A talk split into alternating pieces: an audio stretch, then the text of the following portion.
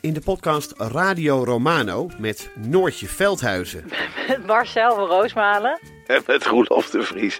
brengen we alle drie elke week een zogenaamde signalering mee. Wat heb jij nou weer bij je? En aan het eind bepalen we wie de winnaar van de week is. Echt een angstcultuur Lege huls die je er bent? Ja, dat gaat eigenlijk altijd onvriendelijk. Luister nu naar Radio Romano bij Podimo. Via podimo.nl slash Radio Romano luister je 30 dagen gratis. Op een dag ontdekte ik Villa Betty. Het grootste en het duurste huis van Amsterdam. Ik had het jarenlang over het hoofd gezien. Maar mijn buurman Kees niet. Hij ziet hoe zijn buurvrouw Betty op haar honderdste uit de villa wordt gezet. En al haar spullen op een openbare veiling worden verkocht. Wie heeft haar dit aangedaan? Ik ben Floor Doppen en in mijn podcast Villa Betty ga ik op zoek naar Betty's erfenis. Luister nu in je favoriete podcast-app. Welkom bij de laatste, derde aflevering van de compilatie van de Lockdown-serie van vorig jaar. Nou ja, ik neem aan dat jullie die eerste twee hebben geluisterd. Ga meteen beginnen. Met hoogsensitiviteitspraktijk de boterbloem. Goedemiddag. Ja, goedemiddag. U spreekt met man met die microfoon. U had gemaild volgens mij. Ja, inderdaad, klopt. Omdat ik merk dat hoogsensitieve mensen in deze tijd een beetje dreigen ondergesneeuwd te raken. En het leek me fijn om daar eens even wat aandacht voor te genereren. Ja. ja, misschien is het even eerst handig om uit te leggen wat hoogsensitief pre- ja, precies is. Nou, dat kan vele vormen aannemen, maar eh, ik noem er maar even een paar. Niet tegen harde geluiden kunnen. Niet met te veel mensen tegelijk kunnen praten. ehm andermans emoties overnemen. En vaak midden op de dag even op bed moeten liggen om de batterij weer op te laden. Ja, oh ja, daar heb ik wel een beeld bij inderdaad. Gevoelige mensen. Ja, precies. Ja. Ja, hoor, ik moet ook zeggen dat ik in deze tijd ook minder kan hebben hoor. Dan komt er iemand even op bezoek, weet je, op de stoep. En dan heb ik daarna alweer het gevoel ja, dat ik een hele receptie achter de rug heb of zoiets. Ja, alsof ik minder aan kan, zoiets. Ja, nou, daar, eh, daar ga je al. Hoe bedoelt u? Nou, eigenlijk is, is de hele wereld nu hoogsensitief geworden. In plaats van alleen de mensen die het al waren. Maar dan is het toch eigenlijk juist meer aandacht ook voor hoogsensitiviteit? Nou, was dat maar zo? Ja, want wat is de bijwerking? Dat de mensen die oorspronkelijk hoogsensitief waren... ineens het gevoel krijgen dat ze geen probleem meer hebben. Omdat ze het nieuwe normaal zijn. Nou ja, hoe je het ook wil noemen. Maar inderdaad, ja, vroeger zat de praktijk hier vol met mensen... die de hele tijd het gevoel hadden dat ze niet konden leveren... wat de wereld van ze verlangde. Maar de wereld is nu zelf veranderd. Ja, en in het begin had ik nog wel Skype-consulten met mijn cliënten. Maar de een na de ander, die laat het afweten. Ze kunnen gewoon niet meer gestrest worden van een, van een familiefeest. Want er zijn geen familiefeesten meer. En ze hoeven geen begeleiding meer met het aangeven van hun eigen grenzen. Want het hele leven is begrensd tegenwoordig. Ja, dus als ik het goed begrijp, ja, is het niet zozeer een probleem voor de mensen zelf, maar meer voor uw praktijk. Inderdaad, ja. Ja, ik ga er bijna aan onderdoor. Ik, ik, ik moet mij toch ook nuttig kunnen voelen. Tja, ja, misschien kunt u zich dan gaan richten op de extraverte mensen, ja, die in de knel komen nu. Mensen die juist heel erg houden van familiefeesten en zo. Nee, nee, nee, nee, nee, nee, gaaf niet, nee. Dat vind ik van die oppervlakkige types. Nee, ik, ik leef en werk echt voor gevoelige mensen. Ja, En ik klamp me vast aan de scholen. Hè. Als die weer open gaan, dan, eh, dan moeten ouders dus ook weer communiceren met elkaar op het schoolplein. En dat is een hoge bron van stress voor hoogsensitieve mensen. Ja, ik wil niet lullig doen, maar volgens mij is het juist de bedoeling dat ouders niet met elkaar gaan praten. Volgens mij moeten de kinderen zelf naar school lopen. En die, mogen, ja, die ouders mogen daar niet blijven hangen. Echt? Ja, Kut. Kut, kut, kut. Wat nu?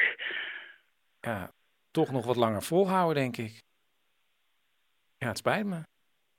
Ja, mij ook. Nou, bedankt voor het gesprek. Ik ga nu weer even liggen, want ik heb het gevoel dat er een eh, trein over me heen is gereden. Oh, sorry. Dag. Dag.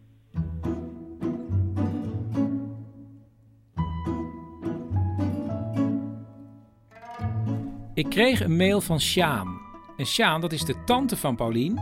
En ook een beetje de extra oma van Wiek. En ze schreef dat ze had nagedacht of ze ooit een gevoel van opgesloten heeft gehad. En dat was zo. Toen ze kind was in de Tweede Wereldoorlog. En dat verhaal heb ik opgenomen. Het was dus oorlog. En op een avond kwam ik de trap af, want mijn kamertje was boven, en zag daar beneden een klein meisje in een heel mooi zacht pyjamaatje, met prachtige zwarte ogen. En die schrok heel erg van mij. En ik schrok van haar, want ik had haar daar helemaal niet verwacht. Ik kende haar ook helemaal niet. Dus ik zei, wie ben jij? Ik ben Anita, zei ze. Nou, toen zijn we een beetje gaan praten op de gang. Maar het was een hele rare situatie.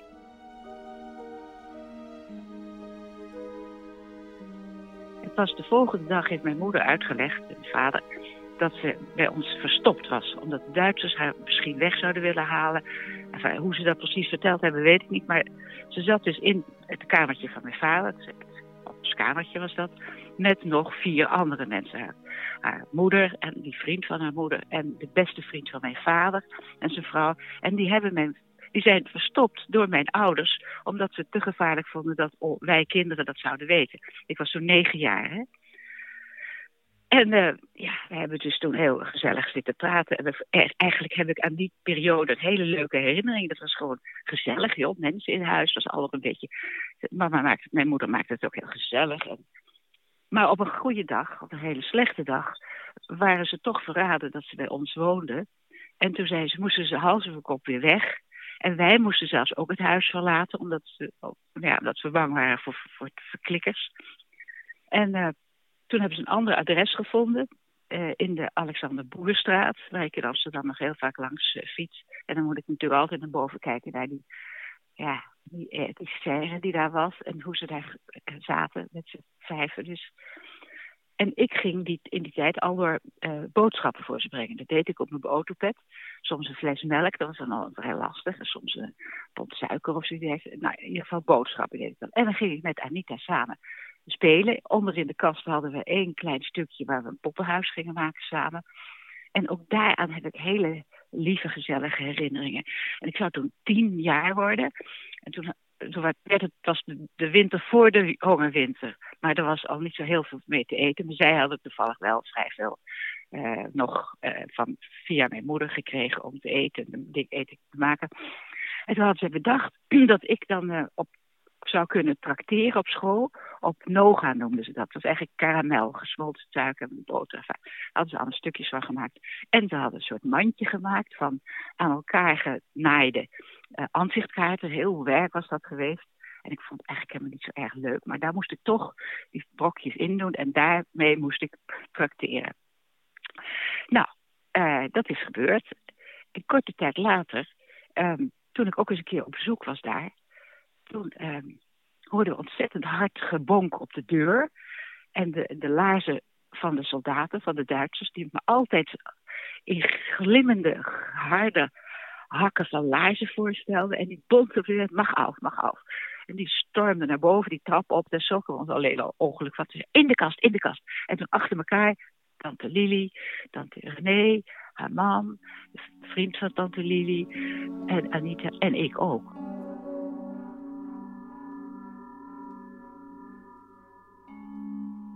Ik had dus een dubbele wand. En dat zag je niet. Maar het was heel smal. Dus je moet gewoon heel ja, helemaal vlak tegen de achterwand gedrukt staan. En moesten, ja, hielden onze adem in. En moesten natuurlijk voor al die praten. Stil, stil, stil, zachtjes. En toen hoorde ik de hele stappen naar boven. Keiharde stemmen en laarzen. En op die, op die wand kloppen notabene. Godrek merken ze dat dit een schuilplaats is. En godzijdank gingen ze dus weer weg.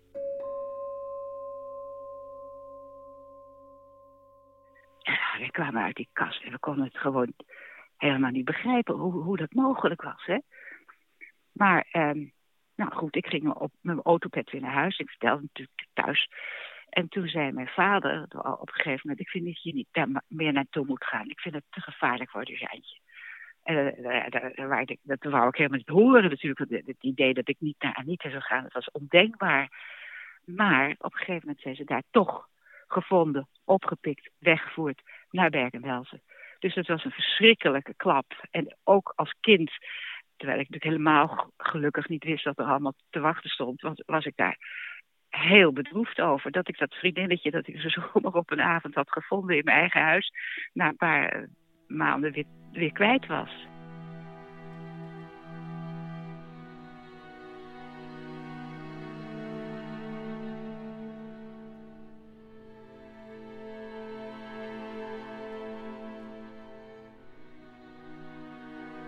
Wij hebben dus nog wel eens een keer een brief gestuurd naar een plek waar ze misschien te vinden waren.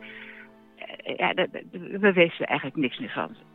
Na de oorlog bleek toch, na heel veel omzwerven, dat ze, dat ze uh, teruggekomen waren. Alleen met haar moeder. De vriend van haar moeder die is, uh, die is omgebracht.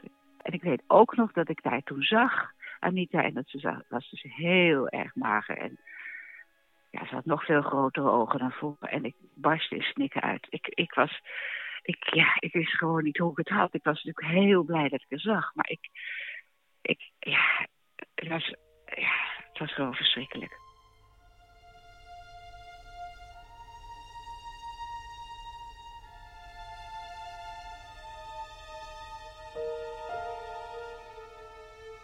Om dit verhaal toch uh, leuk af te ronden, Chris, wou ik je vertellen dat ik op een gegeven moment, dat weet jij, want jij was op dat feest, 80 werd.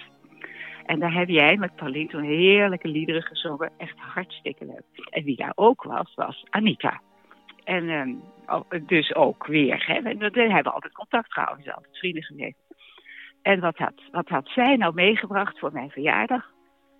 Die Noga, die zogenaamde Noga, die karamel, de gesmolten suiker. En dat vond ik zo aandoenlijk dat ze dat had gedaan. Dat was het mooiste cadeau van mijn verjaardag.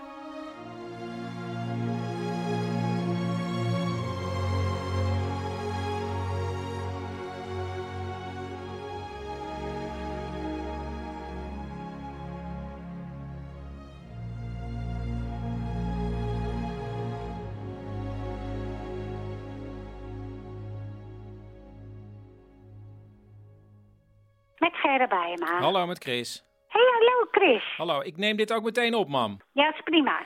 Jij mailde mij vanmorgen over dat je in de voortuin uh, was gisteren. Aan het werk. Vertel. Ja. Nou, weet je, uh, nou ja, die moet natuurlijk ook wel eens een keer gedaan worden. En, maar het viel me zo verschrikkelijk op dat uh, iedereen die langsliep... Hallo Gerda, weet je wel, even een verhaaltje.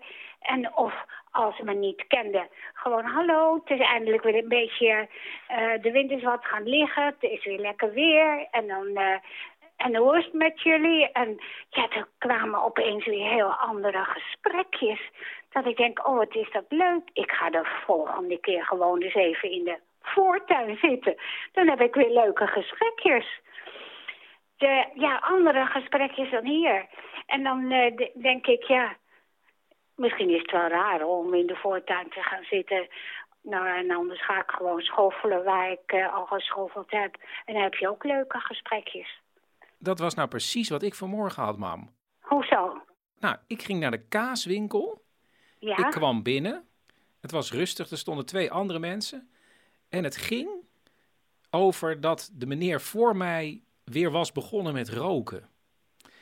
En we hadden het met z'n allen, want er stonden heel veel mensen nog achter de toonbank in de kaaswinkel. We hadden het met z'n allen over het feit dat die meneer weer was begonnen met roken. En hoe moeilijk het is als je eenmaal gaat roken om er van af te komen.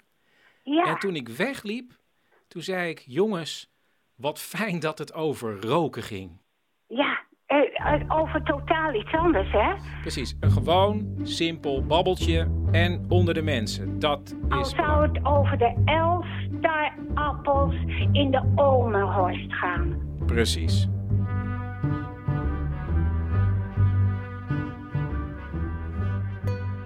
Op mijn voicemail had Lieke drie woorden achtergelaten: neus, 20 jaar en floppy. En ik dacht, oh, is dat iemand die een floppy disk in haar neus heeft? Nou, zoiets. Maar het bleek dat floppy niet met een Y was, maar gewoon met IE. En het was niet een computerschijfje, maar een knuffel. Nou ja, uh, laat ik maar beginnen bij het begin. Uh, ik, uh, als kind had ik heel veel knuffels. En uh, ik had uh, één favoriet, dat was een hond. En dat was Floppy. ja, een St. Bernard. En daar deelde ik natuurlijk lief en leed mee als, als kind. Want ja, volgens mij heeft ieder kind zo'n knuffel waar hij helemaal gek op is. En nou, dat zie je trouwens nu ook met allemaal die beertjes achter het raam. Ehm, maar goed, je wordt ouder en nou ja, Uber en alles. En floppy werd wat minder belangrijk. Dus na wat omzwervingen. Ehm, ja, op mijn 28e was ik al 15 keer verhuisd. Uh, dus ik wist ook niet meer waar Floppy was gebleven, eerlijk gezegd. Maar ik had nog wel haar neus. Want die was afgebroken ooit. En die had ik in een sieradenkistje. En ja, die had ik nog wel. Dus eigenlijk heel vaak als ik dan oorbelletjes indeed of zo, dan zag ik weer, oh, de neus van Floppy. En ik, oh ja, Floppy. En um, afgelopen zomer, toen zijn er een paar dingen gebeurd waar ik ja, best wel heel erg verdrietig van ben. Eigenlijk twee belangrijke gebeurtenissen. Want ik had ook een hondje, uh, een Jack Russell, en die heb ik na 14 jaar moeten laten inslapen. Ja, daar was ik echt uh, heel erg verdrietig van. Uh, want ja, daar deelde ik natuurlijk ook lief en leed mee. En nou ja, mijn huwelijk liep niet meer zo heel erg lekker. De koek was een beetje op. En, dus ik had heel veel steun ook aan dat beestje. Maar die viel dus weg. En uh, nou, de tweede verdrietige gebeurtenis was... Mijn vader is overleden, drie maanden later in september. En uh, ja, weet je, dat, uh, dat hakte er best wel in. Dus, want die twee waren er altijd onvoorwaardelijk voor mij. De, altijd, ja, met liefde. En nou goed, dus we moesten het huis gaan opruimen met mijn vader. dus samen met mijn broer en mijn zus. En bij het leegmaken van het huis nou, kom je natuurlijk allemaal spullen tegen, waaronder ook foto's. En toen kwam ik een foto tegen van mijzelf als klein meisje. Toen ik denk een jaar of acht of zo. Met Floppy. En dat is een foto die, ja, die zit echt lekker bij me op schoot. En uh, nou ja, ik zie echt mezelf natuurlijk weer terug van, van, van toen ik jong was. Dus ik werd dan natuurlijk ook wel een beetje ontroerd door die foto. En ik denk, ja, weet je, uh, Lieke, uh, zorg je nog wel voor dat meisje hè? Met, met, met, met die knuffel. En uh, ja, je staat er nu, je hebt geen ouders meer, dus nu moet je het eigenlijk wel alleen doen. Dus ik had die foto, die heb ik bij me gestoken en ik heb er ook een fotootje van gemaakt voor op mijn telefoon. Als, als openingsbeeld, zeg maar. Dus, dus iedere keer als ik mijn telefoon aanzet, zie ik mezelf met Floppy als reminder van, hé, hey, uh, ja, wat had je dat meisje gegund? Uh, hè? Alle kansen lagen nog open en de keuzes die je nu maakt, maakt die ook voor haar.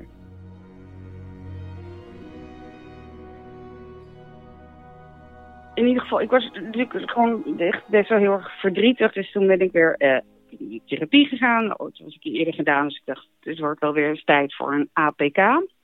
Nou, dat was op zich wel heel fijn om dat verdriet toch wel te verwerken. En nou ja, ik zei, over de relatie ook wel te hebben.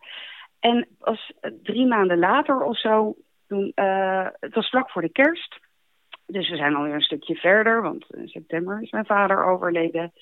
En uh, toen vertelde ik dat verhaal van Floppy. Ik zei, oh, ik, heb, ik, ik, ik moet je nog wat laten zien eh, aan de therapeuten. En kijk, er is steeds foto's. Zei, oh, wat schattig. En uh, wie is dat hondje dan? Ik zei, oh, ja, dat, ik, dat is Floppy, dat was mijn lievelingsknuffel. En uh, nou ja, uh, dat oh, en wat, wat wou dat meisje later worden? Ik zei, nou ja, die wou danseres worden. Maar ze was een beetje te stevig, dus dat zat er niet in. En, uh, maar ik ben het uiteindelijk wel een soort van geworden. Want ik ben uh, nou ja, uh, fitnessinstructrice en ik geef groepsles en dan doe ik ook dansjes. Dus ik vind eigenlijk het wel een beetje weg geworden. En ze wilde heel graag een hond. Nou, ik ook gehad natuurlijk. Was ik ook heel erg blij mee. Dus nou ja, eigenlijk zijn haar dromen toch ook wel een beetje uitgekomen. Dus ik heb verteld het verhaal en ik ga naar huis. En het was vlak voor de kerst. En nou ja, het was dus niet zo gezellig thuis. Maar ik denk, ja, om nou geen boom op te zetten, dat vind ik dan ook niks. Dus ik denk, ik moet toch maar een kerstboom halen. Dus ik haal een kerstboom en ik ga de zolder op om de kerstspullen uh, te zoeken. Nou, hoe vaak kom je op de zolder? Nou, twee keer, drie keer in het jaar. Dus ik ga naar boven voor die kerstspullen te halen en ik kijk een beetje rond en ik denk, hé, hey, wat zit er in die doos eigenlijk? Dus ik maak die doos open en er zit Floppy in. En ik wist helemaal niet meer dat ik dat beestje had. Ja, ik wist dat ik een neus had, maar dus heeft gewoon twintig jaar daar op zolder gelegen. En nou, ik was echt zo blij dat ik er weer zag ook. Maar die heeft dus 20 jaar opgesloten gezeten in een doos. Ja, precies. Die zat er in quarantaine, maar wel voor 20 jaar. Ja, dat arme beest. ja. Ja, maar en, en als dan het, het, de knuffel iets zou moeten zeggen op dat moment tegen jou, wat was dat dan? Ehm, kijk, ik ben altijd heel erg met anderen bezig en probeer anderen gelukkig te maken. Maar, eh, want daar word ik zelf ook altijd heel erg eh, happy van. Maar in dit geval was het natuurlijk zo dat het teken was van... nou, misschien moet je weer eens voor jezelf gaan zorgen en eh, weer de wereld intrekken. En ja, voor jezelf kiezen. Dus eh, het was natuurlijk kerst, eh oud en nieuw. En daarna heb ik dan dus ook de knoop doorgehakt en mijn tas gepakt en floppy meegenomen. En eh, ik ben nu voor mezelf aan het zorgen.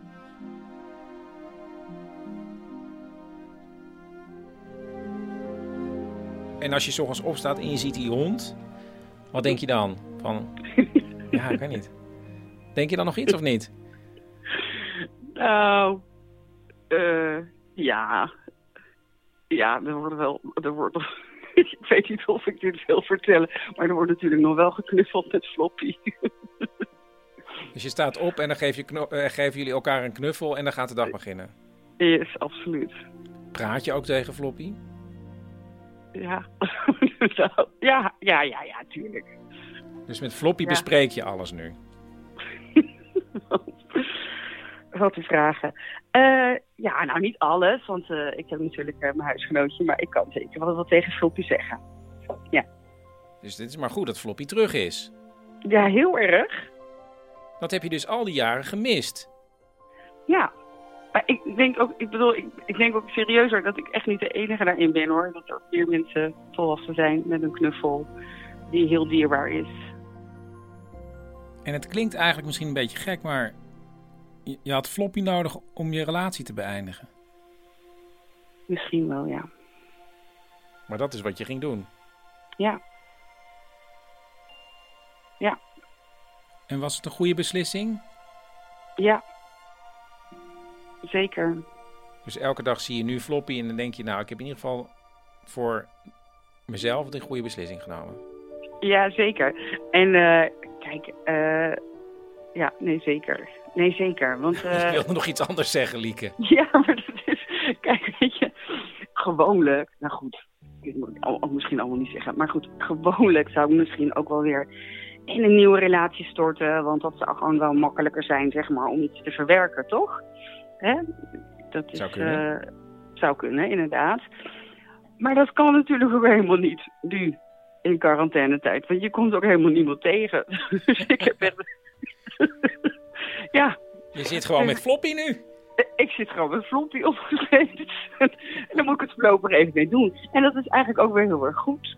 Hè? Dan eh, kom je ook een beetje tot rust. Ik denk dat Floppy echt heel goed is nu. ja, ik denk het ook. Nou, super. Voor, Ja. voor nu is het heel goed. Ja, Ja. ja. Nee, oké, dus dan Floppy gaat op een gegeven moment wel weer een beetje aan de zijkant staan. Ja, dat dan wel. Ja, dat is misschien eh, niet heel aardig, maar dat gaat wel gebeuren, hoop ik. Ja. Ja. Heb je al tegen hem gezegd? ik ja, ze, ze, ze luistert mee. Dus, ze, eh, het is een ze. Ik zeg de hele tijd hij. Ja, nee, het is een ze. Oh, sorry. Oké, ze ja. luistert mee, dus nou is het ook duidelijk. ze weet, ze weet dan ook als er, als er weer een man komt, dat, eh, dat ze wel een stapje opzij moet zetten. Maar ze, ze zal niet meer in een doos ge- gelegd worden. Nee, ik zal er niet meer op zolder leggen. Dat zou eh, respectloos zijn. Nee, dat zal ik niet. Maar de slaapkamer gaat er waarschijnlijk wel uit. Nou, heel goed. Lijkt me een mooi einde van dit verhaal. Ja, oké.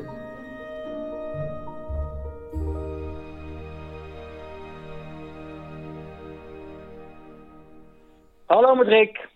Ja, hi, eh, je spreekt met de man met de microfoon. Eh, jij had samen met iemand anders ingesproken. Tim, Tim. Ja, wacht even. Ik roep hem er heel even bij, oké? Ja. Tim! Ja. Tim, man met de microfoon! Ja. Tim! Zo. Tim! Ja, wa- oh. Wacht, eh, misschien eh, laat ik anders eer- eerst even de voicemail horen die jullie hebben ingesproken. Oké.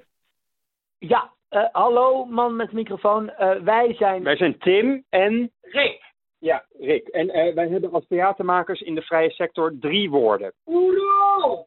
Oerol. Ja, Ja, eh, eh, en locatietheater, dat is het tweede woord. En thuisblijven. Ja, en thuisblijven, dan, dan is één woord geschreven. Ja, oké. En, en bedankt en eh, we hopen wat van je te horen. Ja, nou dat spraken jullie dus eh, in. Rick? Tim, kom nou, telefoon. Doe nou rustig man, ik ben toch aan het scheiden? Rick? Rick, kun jij anders misschien even... nu, vegen. Het, gaat het gaat over distant. Distant? Rick? Ja, eh distant. Ja, dat is een voorstelling die we voor Oerol maken over de anderhalve meter maatschappij. Oerol, maar Oerol gaat toch niet door? jezus, hoe moet je poepen, man? Kom op. Ik ben al klaar. Rick? Ja, oké. En daar ben ik. Jeez. Noem de microfoon over distant. Oh, oh, kut. Oké, oké. Geef me even. Ehm, hey Chris, leuk dat je terugbelt. Ja, jullie gaan een voorstelling maken voor Oerol? Ja, wat wij met Distant gaan doen is locatietheater eh à l'intérieur. Eh, en dat kan je van 12 tot 21 juni iedere avond live volgen op ons Facebook-account. Ja. En dan gaan wij ons eh, appartement helemaal omtoveren tot Oerol-locatie. Met heel veel zand en helmgras. En we steken iedere avond een houten kruis in brand in de badkamer. Zo, ja. Ja, en, ja, en wij zitten dus binnen. Maar we vragen het publiek wel om buiten te gaan bekijken, eh, die live feed. En eh, zo- zodat je net zo koud kunt worden zoals op het echte Oerol, zeg maar. Ja. Hey, en, eh, En, en, en dan het liefst in een regenpak, want we hopen wel echt op regen. Echt felle, felle heftige regen. ja, nou dat klinkt allemaal wel heel erg Oerol. Maar eh, waar gaat jullie voorstelling precies over? Eh, waar gaat het over? Ja, inhoudelijk. Oh, inhoudelijk. Eh, wacht even. Rick? Ja, nu zit ik even te kakken, Tim. Oh, ehm, ja, eh, eh, Rick zit even in een vergadering. Ik, kan hij je anders zo even terugbellen? En dan, na een dikke twee maanden in de eerste lockdown, beginnen er langzamerhand weer dingen normaal te worden. Althans, iets normaler. Wat gaat er zo meteen allemaal gebeuren, Wiek? Jij blijft wachten buiten het schoolplein. En ik ga zelf naar binnen. Mijn eerste klas vlieg bijna niet de gang in en verder weet ik niks. Ander was als ik binnenkom in de kring gaan zitten school. Maar nu weet ik het echt niet meer. En wat moet je met je jas en je tas doen? Aan de stoel hangen. De meeste kinderen zijn alweer naar school, maar de school van Wiek gaat vandaag pas weer open. En dus zijn we onderweg naar het schoolplein. En ja, weer naar school is wel even wennen. Volgens mij is het nu tijd, Wiek. Nu mag jij. Dit is de ingang. Ja, zeker. Dag liefie. Ik wil niet. Hij wil niet. Hij klampt zich aan mijn been vast. Hij ziet ook een ander kindje wat niet wil. Hè? Ik wil niet. En dat wordt dus nog een beetje inpraten op de kleine Wiek. Maar uiteindelijk na een paar minuutjes loopt hij in zijn eentje het schoolplein op. Oké, dag Wiek. Dag liefie. Ik had het helemaal niet verwacht. Wat grappig, hij is schoorvoetend gaat hij het schoolplein op. Stapje voor stapje. Hij kijkt niet meer achterom, of toch nog wel? Ja, hij kijkt nog even achterom. Ik zwaai. Hij loopt heel langzaam. Hij is binnen. Ik vroeg gedurende de serie iedere dag naar lockdown-verhalen. En ja, dat kunnen verhalen op verschillende manieren zijn. eh, over opgesloten zitten of buitengesloten. En soms hoeft dat niet eens letterlijk te zijn, zoals in dit geval bij het verhaal van Marieke. Ik was 24 en ehm, ik moet even vertellen, ik ben een heel outgoing eh, persoon, weet je. Ehm, maak heel makkelijk contact met iedereen en eh, als ik iemand voorbij zie lopen, dan zeg ik, oh wat een leuke jas of broek. Nou, weet je, is heel outgoing. En ehm, nou, ik, ik werkte toen bij een eh, internationaal bedrijf, altijd hartstikke naar mijn zin. En internationaal, dus er waren ook allerlei anderstaligen en zo. En dat vond ik allemaal wel interessant. En was er ook een Portugees. En eh, ik weet niet eens meer precies hoe we nou in contact zijn gekomen. Maar ik zag hem natuurlijk regelmatig bij de kantine. Als we even eh, een theetje gingen drinken of zo. Nou, ik vond het eigenlijk wel super interessant. En hij vond mij schijnbaar ook interessant. Dus We kwamen steeds nader tot elkaar, tot er uiteindelijk iets uh, ontstond. En de eerste zoen was gedaan. En uh, nou, natuurlijk allemaal hartstikke leuk. Ik vond het heel exotisch, spannend. En Engels spreken, nou ja, Portugees natuurlijk, maar dat kon ik niet. Dus we praten samen Engels. Nou, dat was allemaal heerlijk natuurlijk, verliefd en elkaar zoveel mogelijk zien. En ik, ik woonde in, een flat met een vriendin samen. En, uh, en hij woonde ergens ook op een kamer. Dus in het begin gingen we nog heen en weer. En, uh, maar eigenlijk al vrij snel, ik denk eigenlijk al wel met een paar weken, dat we, ja, waren we zoveel samen dat hij zijn kamer op heeft gezegd en dat we, dat we bij mij zijn gaan wonen. En van die periode dat ik samen met hem was, wat uiteindelijk negen maanden is geweest, voor mij veel langer voelde, maar kan ik me eigenlijk ook weinig herinneren van het contact die ik had met het meisje met wie ik samen in die flat woonde. Zeg maar, we hadden allebei wel een aparte kamer in die flat, maar dus mijn wereld eigenlijk al vrij snel werd steeds kleiner en steeds meer met hem en op hem gericht. En um, ja, want hij, hij zei ook altijd van ja, maar ik heb niemand. En, en mijn ouders wonen in Portugal, ik ben niet meer alleen. En, dus ik vond het eigenlijk ook een beetje zielig. En uh, nou ja, steeds meer en meer waren de kleine dingetjes, die ik natuurlijk achteraf zie, maar in dat moment helemaal niet. Waardoor ik steeds meer en meer opgesloten raakte in, in, in een bubbel die wij met z'n tweeën hadden. Het begon met uh, dingen dat hij zei van, uh, waarom zwaai je eigenlijk naar die collega? Of waarom zeg je hoor je tegen die collega? Dat ik echt dacht, uh, hoezo? Dat is gewoon mijn collega.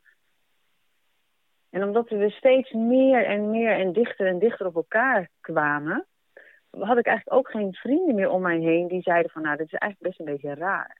Kun je omschrijven hoe je langzamerhand je vrienden verliest? Nou, dat gaat, dat, dat gaat eigenlijk heel subtiel je spreekt af met vrienden, hij is er dan bij, hè.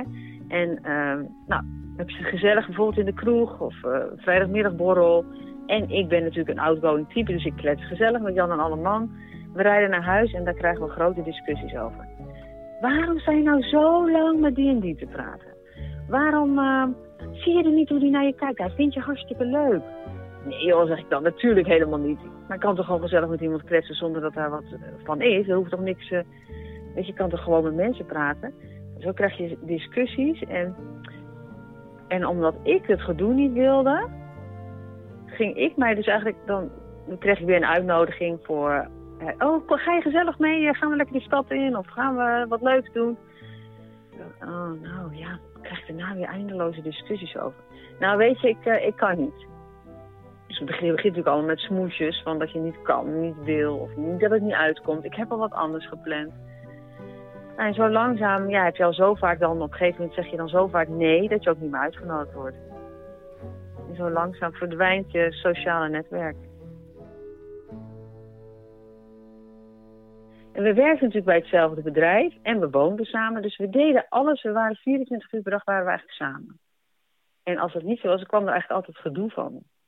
Ik ging, ik ging me ook anders kleden. Ik ging uh, slobbertruien aandoen. En uh, weet je, beide kleren waarin ik niet zo goed te zien was. Want, en ik, hè, wat ik al zei, ik ben natuurlijk eigenlijk een heel outgoing persoon met een hele open blik in de wereld. Dus mensen zijn ook geneigd om naar mij toe te komen. Maar ik dacht, ja, dat moet ik niet meer hebben. En daar was ik me helemaal niet bewust van. Want dat groeit echt zo langzaam maar zeker, zeg maar. Dus ik ben eigenlijk ook steeds meer teruggetrokken uit mijn leven. En eigenlijk dus ook uit mezelf. En mezelf eigenlijk steeds meer opsloot in mezelf. Omdat ik dacht, ja, ik wil gewoon, ja, ik wil toch de goede vrede bewaren. Ik wil niet te veel gedoe. En dan kwamen er steeds meer ruzies. En um, uh, hij, hij begon dingen te zeggen van... Uh, you need to be more submissive. En ik dacht keer, wat, wat is dat nou toch? Wat betekent dat nou toch? Nou, daar kwam ik achter, dat betekent onderdanig. Dus hij vond eigenlijk dat ik wel wat onderdaniger moest zijn. En uh, hij begon dingen als te zeggen als, eh, als we ruzie hadden, dan werd hij woest en dan zei hij van, nou je vader had het gelijk, je, je kan ook niks, je, er is niet op je te bouwen, je bent er niks nut. Nou, en, en op de een of andere manier, ja, voelde ik me dus schijnbaar dan, ja, had ik ergens wel een gevoel dat hij dan, ja, toch wel een soort van de waarheid sprak of zo. Dus ook omdat je niet, met niemand meer erover hebt, ga je nog haast geloven of zoiets. En die ruzies werden eigenlijk steeds en steeds erger. En, en, ehm, en wat ik dan meestal deed als, als die eh, steeds giftiger werden eigenlijk. En, en wat ik dan deed, wij wonen bij de IJssel in de buurt. Dus dan ging ik daar maar even heen om weer even tot rust te komen en te ontspannen. En nou, weer even zacht te worden en dan weer naar huis te gaan om het maar weer te zien goed te maken. Tot op een dag uh, we weer uh, knallende ruzie kregen en ik dacht, ik ga weer naar de IJssel. Maar nu was het zo, ik ging bij de IJssel zitten en uh, ik zocht het rustigste plekje op, dacht ik. Maar toen kwamen er allemaal van die jetskis langs en die gingen ook precies in dat stuk waar ik zat. Gingen ze maar de hele tijd heen en weer met dat geknal en gedoe. Dus toen ben ik naar huis gegaan. En toen, toen was ik bijna thuis en toen kwam hij er net aanlopen. En uh, nou, wij waren allebei nog boos en hij uh, zei iets van, uh, ga maar vast of zo, ik kom eraan, ik weet niet. Dus ik ben gewoon teruggegaan naar, naar het flat waar ik toen woonde. Ik kom thuis en ik, ik had nog schijnbaar niet gegeten, dus ik, ik smeer een boterham met sandwichspread, dat weet ik dan nog wel weer goed. Ik ging op ons bed zitten en ik, ik ga die boterham opeten. En hij komt de flat binnen, hij doet de deur open, hij zegt niks. Het enige wat hij deed is, um, hij maakte met zijn vinger zo'n uh, kom hier beweging. En, en met zijn hand een beweging van de sleutel. Dus hij wilde dat ik hem de sleutel gaf, maar hij zei niks. En uit, uit automatisme pak ik die sleutel. En ik heb hem in mijn hand en ik wil hem aan hem geven. En ik denk, ik ben ook gek ook.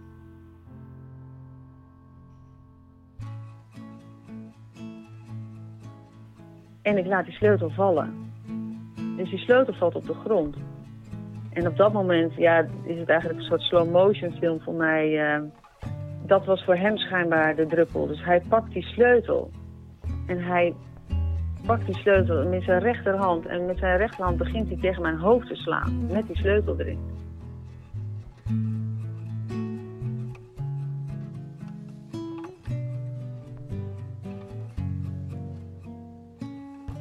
Op mijn oor, op mijn nek, naar mijn schouder en mijn rug. En hij slaat en hij slaat. En ik val zeg maar schuin op het bed. En op een gegeven moment stopte hij heel even. En op het moment dat hij stopt, ik word woedend en ik wil opstaan en ik smijt dat bord. En die had ik nog op mijn schoot, die smijt ik op de grond. Schijnbaar schrok hij daarvan. Dus hij haalt uit en begint me weer te slaan en te slaan. En het was zo gek. Ik lag daar en ik dacht, dit is wat raar. Het was alsof ik naar hem lag te kijken. En het was net, ja, ik kan het niet uitleggen, maar het was zo gek. Alsof ik dat niet was of zo. En vanuit het niks begon ik in één keer heel hard te roepen. It's over, it's over, it's over. En um, dus ergens diep van binnen voelde ik gewoon van ja, nu ga je over mijn grens. En op het moment dat ik dat roep, schreeuwt hij van... Uh, I don't even want you anymore.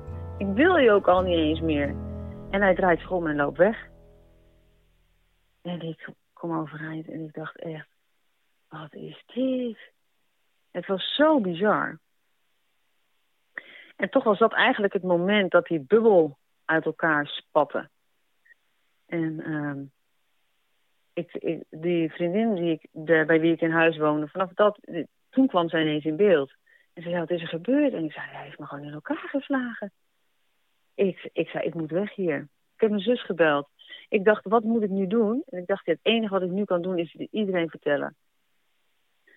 En uh, nou, ja, dus wat ik heb gedaan, ik ben naar mijn zus gegaan. En ja, tegenwoordig zou je gelijk foto's maken met je mobiel en zo.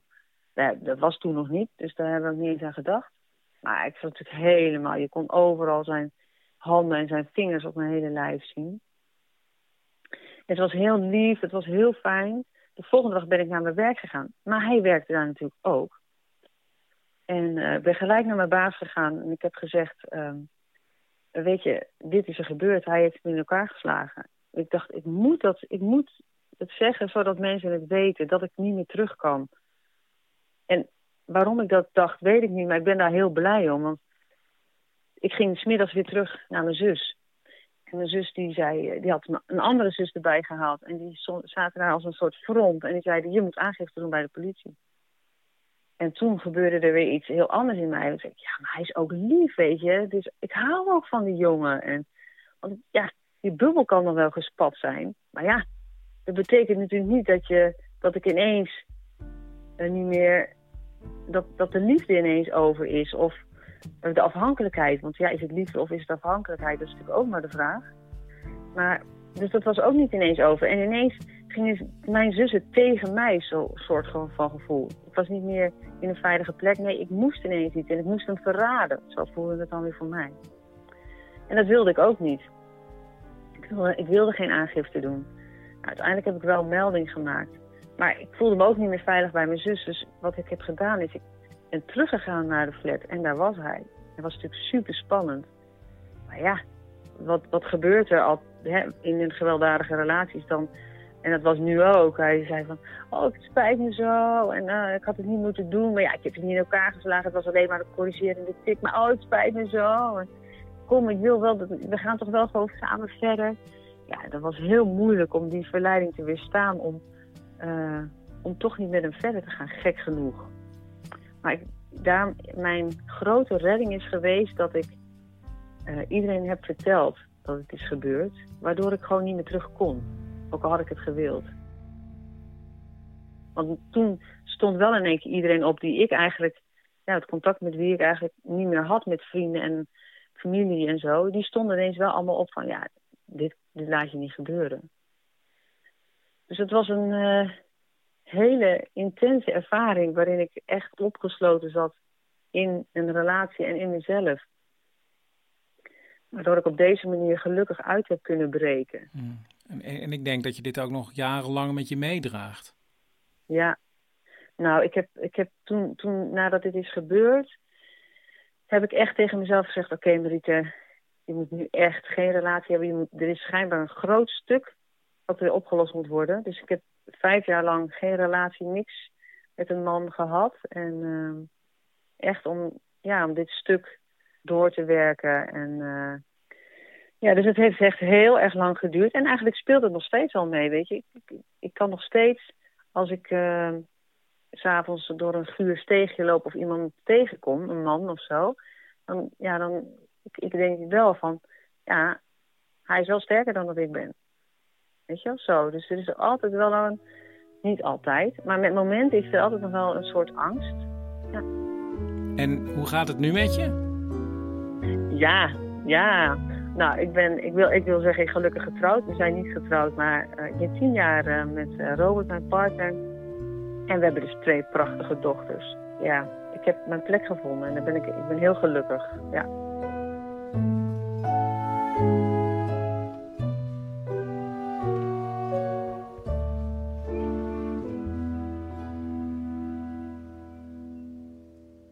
Hallo? Ja, hoi, met de man met de microfoon. Je had gebeld ah, met, met ja. drie woorden. Snot, ja. kinderen Mhm. en nog een keer snot. Ja, klopt. Eh, ja. Eh, nou ja, ik had eigenlijk maar twee woorden, vandaar. Ja, wat is je verhaal? Eh, ja, nou goed, mijn verhaal is eigenlijk, eh, het is meer iets waar wij momenteel, eh, wat we momenteel aan het meemaken zijn. Ja, ja, dat, ja, dat begrijp ik. Goed, nee, het zit zo, eh, we hebben er allemaal eh, nu twee maanden op zitten en, en met twee kleuters hier thuis. En dus je begrijpt eigenlijk dat we er redelijk, nou eigenlijk helemaal doorheen zitten. Ja, dat is de man met de microfoon. Ja. Eh, en nu mogen ze weer naar school in principe, maar eh, eh, niet als ze verkouden zijn of snotterig zijn. En de- snotterig, dat zijn ze dus altijd. Omdat ze dus huisstof Ja, weet afgeven. je, doe jij het even, doe jij het anders even. Nou, prima. Hallo? Ja, hoi, met wie spreek Hi. ik nu? Eh, ja, met Ellen, nu de moeder. Nou, eh, we zitten dus hier weken al met z'n vieren. Eh, de tweeling is, is zes. En we komen gewoon helemaal nergens meer aan toe. Ehm, Ik hoor niet. Ja? hallo, kijk dan even. Ja, ik ben toch nu aan de lijn. Kijk dan. Nou, we, ehm, we leven heel erg toe naar, naar, naar, naar die scholen weer open, naar die 11e mei. En nou dit, en, en dan zijn ze alle twee verkouden. En, en misschien is het, ja, ik weet zeker dat het allergie is, maar ze mogen dus niet, hoe dan ook. En, en wij worden daar gek van, Chris. Echt helemaal gek. Ja, jeetje. En is het ook nog een tweeling? Jongens! Zet ze dan op de trampoline. Ja, en dan weer naar de eerste hulp zeker? Hebben ze eigenlijk wat gegeten? Weet je, ik heb toch boterhammen klaargezet daar? Ja, de boterhammen waar? De boterhammen die hebben ze achter de verwarming gekieperd. God, je hoort het. Ik, ehm, Ik geef je wat chocopops. Ja. Eh, we zitten hier dus in. Eh, eh, en, en, en ik ben nu gewoon bang dat ze helemaal nooit meer naar school mogen. En dat, en dat wij alleen maar bezig zijn met boterhammen achter de verwarming vandaan krabben. Ja. Terwijl ik dus eigenlijk binnenhuisarchitect ben.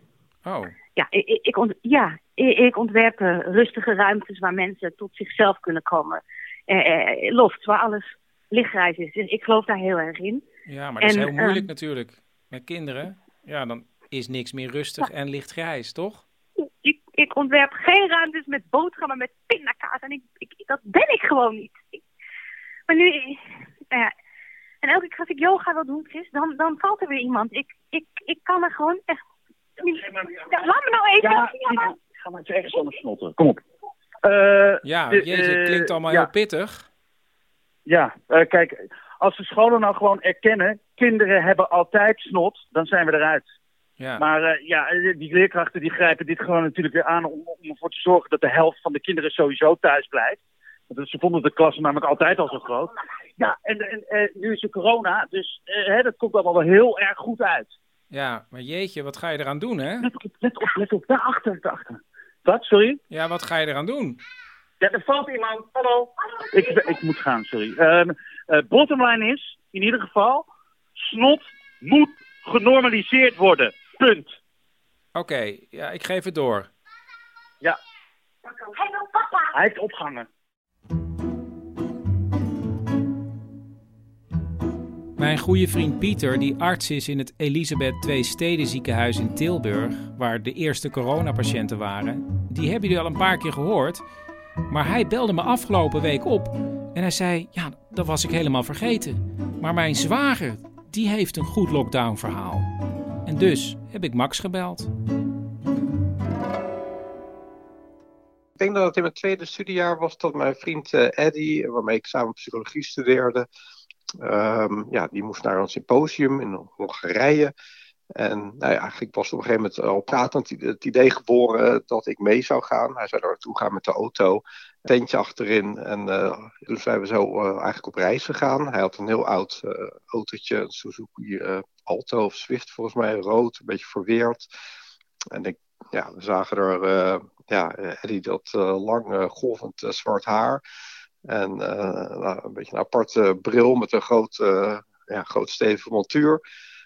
Ik denk dat we een beetje een shabby, een beetje, een beetje hippieachtig indruk, indruk maakten, zeg maar. Dus ja, zo kwamen wij eigenlijk een beetje zo al reizend daar in, in Hongarije aan.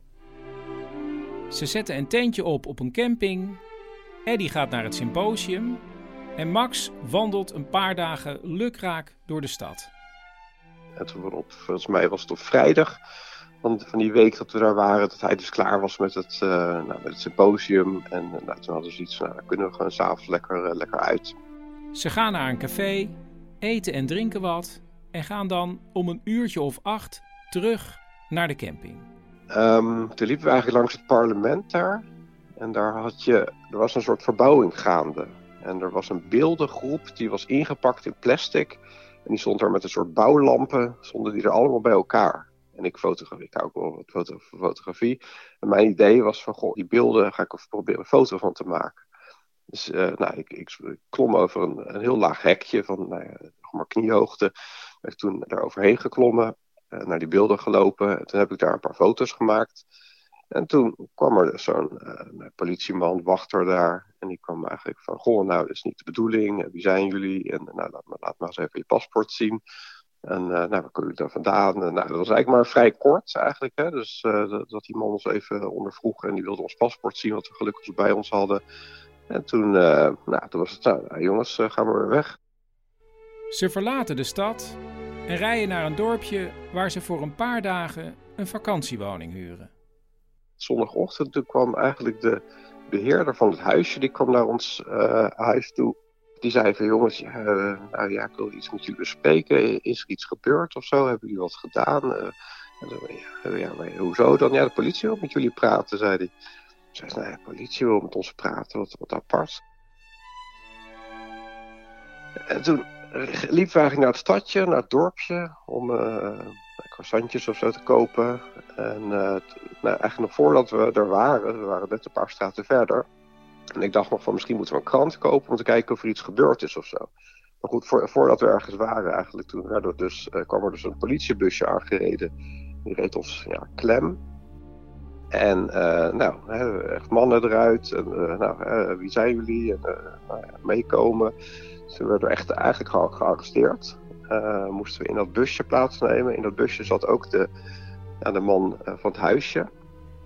nou, en die, die, zat al meteen van jongens, jullie zijn toch niet boos op mij? Zijn toch niet boos? Want ja, die had dat dus doorgegeven. Omringd door de plaatselijke politieagenten worden ze naar de gevangenis gebracht. Ze werden eigenlijk een soort binnenplaatsje opgereden. Dat ging volgens mij gewoon een soort schuifdeur dicht. En toen kwamen we in een gang terecht. Ja, daar moesten we op een gegeven moment ook echt veters uit onze schoenen halen. En, en toen kwam, werden dus een aparte cellen toen opgesloten. Ja, dat was wel echt heel eng eigenlijk. Je kan de taal niet. Uh, je weet niet, misschien is er iets uh, in je schoenen geschoven. Hè? Is er iets met drugs wat uh, jou hebben aangerekend? Of iets wat ze je aansmeren om, weet ik veel, los geld? Of er gaan de gekste dingen door je hoofd. Niemand weet ook waar je bent. Je had ook gewoon geen mobieltjes. Ik had ook niet kunnen bellen nog eventjes met ze. Om iemand even hier op de hoogte te brengen van, van de rare situatie daar. Ja, dus dat, toen, nou, dat, uh, ik dacht toen inderdaad van dit, dit kan helemaal foute boel worden. En ik weet nog wel dat ik toen op een gegeven moment heb gedacht, ik, van, ja, ik moet maar even proberen te slapen of zo. Of ik moet, ik moet even weg hier of zo, want ik trek het anders gewoon niet. Toen ben ik volgens mij op die bank gaan liggen en geprobeerd een soort van te slapen. Maar ja, en ik weet ook nog wat ik toen dacht van, ik, ik, ja, dat heb ik eigenlijk nooit... Uh, maar dat ik toen dacht van, ik, ik ga gewoon even bidden zo eigenlijk, volgens mij. Niet, niet dat ik echt gelovig uh, ben of was of zo, maar ik heb dat toch wel een beetje meegekregen. En op dat moment kwam dat even naar boven van, nou ja, dat het alsjeblieft dat, uh, ja, gewoon goed afloopt inderdaad. Wat ik ook nog weet was dat ik op de gang geluiden hoorde. Dat ik op een gegeven moment mensen hoorde roepen en een soort van uh, ja, water hoorde sproeien of zo. Dat ik dacht, jeetje, wat zijn het voor geluiden? En dadelijk komen ze hier. En nou ja, word je echt op een heftige manier ondervraagd. En ja, het voelde ook nog wel, omdat je niet echt in Boedapest zit, maar in zo'n klein dorpje, zeg maar. Het voelde ook alsof je totaal geïsoleerd was van de rest van de wereld, wat dat betreft. Na een paar uur worden Max en Eddy uit hun cel gehaald. Ja, toen stond in mijn herinnering de gang behoorlijk vol met, uh, met, met nog meer agenten eigenlijk. En um, ja, achteraf waren dat dus agenten die waren overgekomen uit, uh, uit Budapest. Samen met deze politieagenten rijden ze in een busje naar hun vakantiewoning. wij kregen inderdaad instructie om uh, nou, heel langzaam onze spullen daarin te pakken. Ik denk, nog, ja, misschien inderdaad heel langzaam, omdat je, ze misschien toch bang waren van wat gaat er gebeuren, wat, wat gaat hij doen. En later paste dat, maar ik wist op dat moment nog helemaal niet waarvoor we gezocht werden. Dat was het, waardoor je het later allemaal wat beter kon plaatsen, zeg maar. Nadat ze langzaam hebben gepakt, lopen ze met de agenten naar buiten. Maar moest Eddie, die moest in onze auto uh, rijden. Dat was ook zijn auto. En uh, ik, uh, ik moest mee in een politiebusje of, eh, of auto. En toen werden we eigenlijk een soort van, ja, dat was ook nog zo. Het was echt een soort, noem het dat, met zo'n politie-escorte. Dat je echt inderdaad over de snelweg gaat. Met uh, sirenes voor en achter. Volgens mij werden we echt, nou ja, echt, echt op de linkerbaan of misschien zelfs op de we gewoon echt, echt op hoge snelheid werden we naar, naar Budapest gebracht inderdaad. Ja. In het busje bij Max zit een meisje van zijn leeftijd. En dat blijkt een Nederlandse tolk. En zij zegt wat er aan de hand is. Uh, zij vertelde dat, uh, dat er dus uh, bij het parlement, waar wij dus over het hekje waren geklommen, dat er die nacht een bom is ontploft. D dat is heftig. Aan de andere kant ging ook door me heen van ja, ik weet gewoon zeker dat we daar niks mee te maken hebben. Eenmaal bij het hoofdkantoor van politie in Budapest worden ze onderworpen aan het politieonderzoek. We werden apart van elkaar geïnterviewd, waarbij ik onder andere op een kaart naar, naar bomstoffen of, of iets, een soort chemische test, uh, allerlei sporenonderzoek. Van, volgens mij van onze handen werden allemaal wat samples genomen om te kijken welke, welke datum in het land ingekomen en welke datum er met bommen geklooid was. Er werden allemaal fo foto's gemaakt, vingerafdrukken genomen. Waar die auto inderdaad apart met politiehonden en uh, moeite had om inderdaad met te herinneren hoe dat dan had gelopen in de stad. En werd gesleuteld zeg maar, om te kijken of er speciale uh, plekken En toen op een gegeven moment, toen kregen we eigenlijk te horen van, nou jongens, jullie, uh, ja, nou ja we, we, hebben het onderzocht en, en ja, jullie zijn weer vrij om te gaan. En toen de jongens naar buiten wilden lopen, toen zei een van de agenten: Nou, wacht even, we hebben nog iets voor jullie. Uh, en toen zeiden ze eigenlijk, ja, toch een beetje als aardigheidje, denk ik, uh, dat het bedoeld was, hebben ze ons uitgenodigd om nog even de, ja, de nieuwsuitzending, zeg maar, uh, te komen bekijken, uh, ja, die, die er dus was geweest. Dus zij hebben inderdaad, we werden een aparte tv-kamer, of in ieder geval een aparte kamer met de bank en de tv gezet. En toen hebben we dus inderdaad naar die uitzending, die speciaal voor de, ja, voor de Hongaarse televisie was gemaakt, zagen we dus inderdaad uh, onze signalementen voorbij komen. En de, ja, ze hadden dus compositietekeningen laten maken ook. Die, die kwamen er ook in voor. En die kregen we ook, ook, ja, ook een beetje maf, maar die kregen als een souvenirtje kregen we die compositietekeningen ook mee. Dus die heb ik nog, uh, die heb ik nog ergens liggen volgens mij. Ja, en die tekeningen hadden ook in de krant gestaan. Uh, we konden inderdaad nog een oude aantal uh, kranten krijgen waar we, nou, waar we dus inderdaad op de voorpagina stonden. Dus we hebben iets van, van vier verschillende soorten krantjes gekocht waar we nog inderdaad uh, op stonden. En daarna zijn ze heel snel in de richting van de grens gereden. En toen zijn we inderdaad ergens nog gestopt bij een tentje om wat broodjes te halen. En ik weet nog dat die man als eerste, toen liep ik weer weg eigenlijk, uh, en die bakker als eerste, het eerste wat ik hem zie doen toen, wij die zaak, toen ik die zaak verliet, was de telefoon pakken. Dus toen dacht ik van, oh nee, daar, dadelijk begint het helemaal weer opnieuw.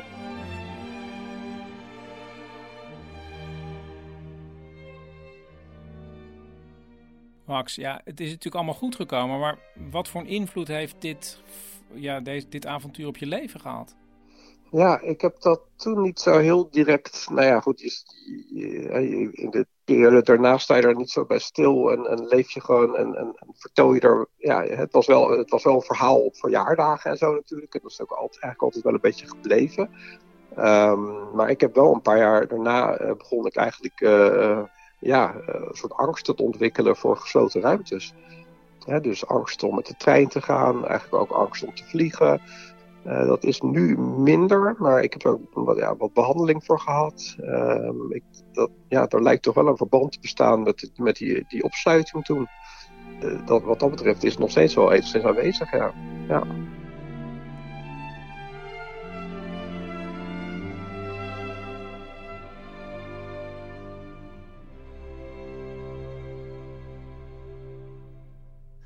Bart Schiedijk. hey Bart, je spreekt met Chris, de man met de microfoon. Oh ja. Ja, want je had uh, ooit drie woorden ingesproken? Ja, ja, ja, dat klopt. Maar dat was toch een hele tijd geleden weer? Ja, het was zes weken geloof ik. Maar ik ben, ja, ja soms kom ik iets tegen. Ja, precies. Ik, maar, maar ja. omdat ik nu weer al in een hele nieuwe fase van mijn leven zit. Maar, ja, wacht even. Ik laat eerst even de, de voicemail horen. Oh, ja, is goed. Hey, hallo man met de microfoon. Jij spreekt met Bart Schiedijk. Ik zit momenteel, net als jij, uh, waarschijnlijk in de intelligente lockdown. Ik zit in mijn atelierwoning en naar aanleiding van het verhaal van jouw moeder ben ik hier eens goed gaan opruimen. En zodoende heb ik dus net besloten om mij eens even helemaal te storten op het archiveren van wat ik noem 34 jaar beeldhouwschap. Nou, bij deze dus het startschot daarvan. Goed aan je moeder. Oh ja, en mijn drie woorden zijn beeldhouden, levenswerk, terugkijken. Toelidoki. Ja, en daar ben ik dan. Ja, ja, daar ben je. Vertel. Goed, nou, ik ben dus meer dan uh, 34 jaar beeldend kunstenaar en altijd uh, fulltime aan het werk geweest. Ja. En toen kwam corona. Ja, en had dat nog invloed op je werk? Nou, ik was bezig met een, een, een heel groot werk van beton en staal voor een zorgfederatie. Blue Vision 72, maar die hebben daar toen meteen de stekker uitgetrokken. Oh, dat ging eigenlijk meteen niet meer door. Precies. En uh, heb je corona of is dit gewoon...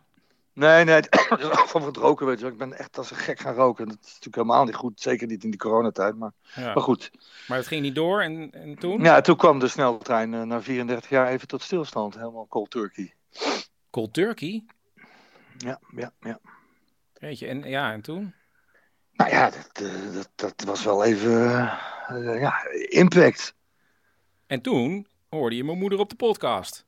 Ja, ja. Ja ik luister altijd naar podcasts tijdens, mijn werk. Ik vind een beetje gebabbel op de achtergrond altijd wel lekker. Ja, gebabbel. En toen kwam die frisse moeder van je langs en die stelde voor om eens goed eh, op te ruimen en om te kijken. Oh, dus je luistert wel, min of meer. En, en niet dat dat meteen kwam. Ik moest echt ook lichamelijk even ergens doorheen qua afkicken. Maar toen ben ik dus ook echt, echt pas op de plaats gaan maken. Om te kijken van, van ja, wat heb ik nou allemaal gedaan? En weet je, al het bewaarde materiaal, eh, interviews en zo, alles geselecteerd en, en gearchiveerd. Ja, nou, dat is toch ook wel mooi. Ja, Toch? Want ja, dan kun, je, dan kun je in jouw geval terugkijken op waarschijnlijk een heel oeuvre. nou precies, precies. 432 kunstwerken. Zo. En? Nou, je zou het misschien als het beste als volgt kunnen samenvatten. Eerst dacht ik, Bart Schiedijk, wat heb je allemaal gedaan? Maar dat werd dus gaandeweg. Oh, Bart Schiedijk, wat heb je in godsnaam gedaan, man? Oh. Waarom heeft niemand jou tegengehouden? Wa- wacht, ik, ik pak er even een briefje bij. Hier. Ja. Ik citeer, dit komt dus al uit, uit 88, hè? Ik citeer mezelf. Wat optic calculation beoogt, is een dialoog tussen de lege ruimtes die het polderlandschap herdefiniëren. Ja. Ja, ja, het, het- het gaat hier om een hele grote roestige balk van 40 meter die schuin uit de grond steekt, Chris. Ja, maar dat, ja, daarmee misschien, je, ja, je moet het misschien ook een beetje in de tijd zien, toch? Het is zo ongelooflijk bloedeloos lelijk. Echt. Maar dan ook echt heel lelijk. Maar goed, het werd gefinancierd. Ik, ik zat erin. Ik, het was het systeem dat me vasthield.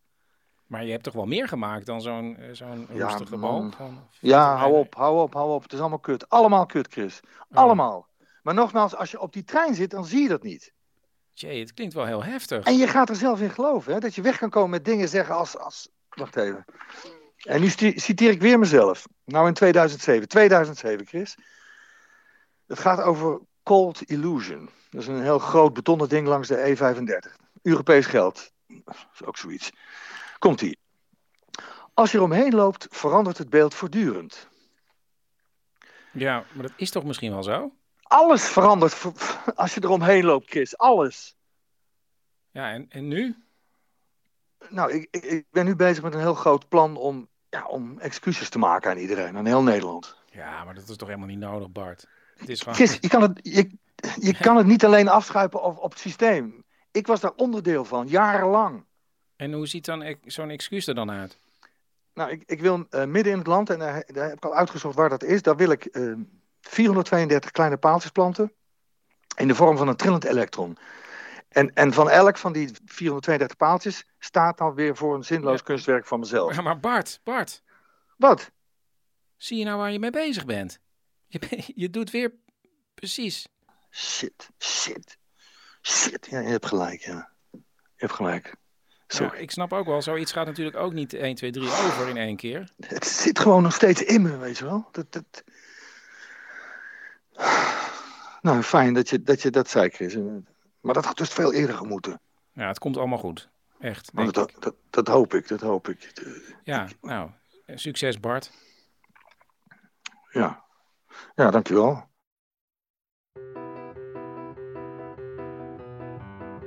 Dit is het verhaal van Jessie.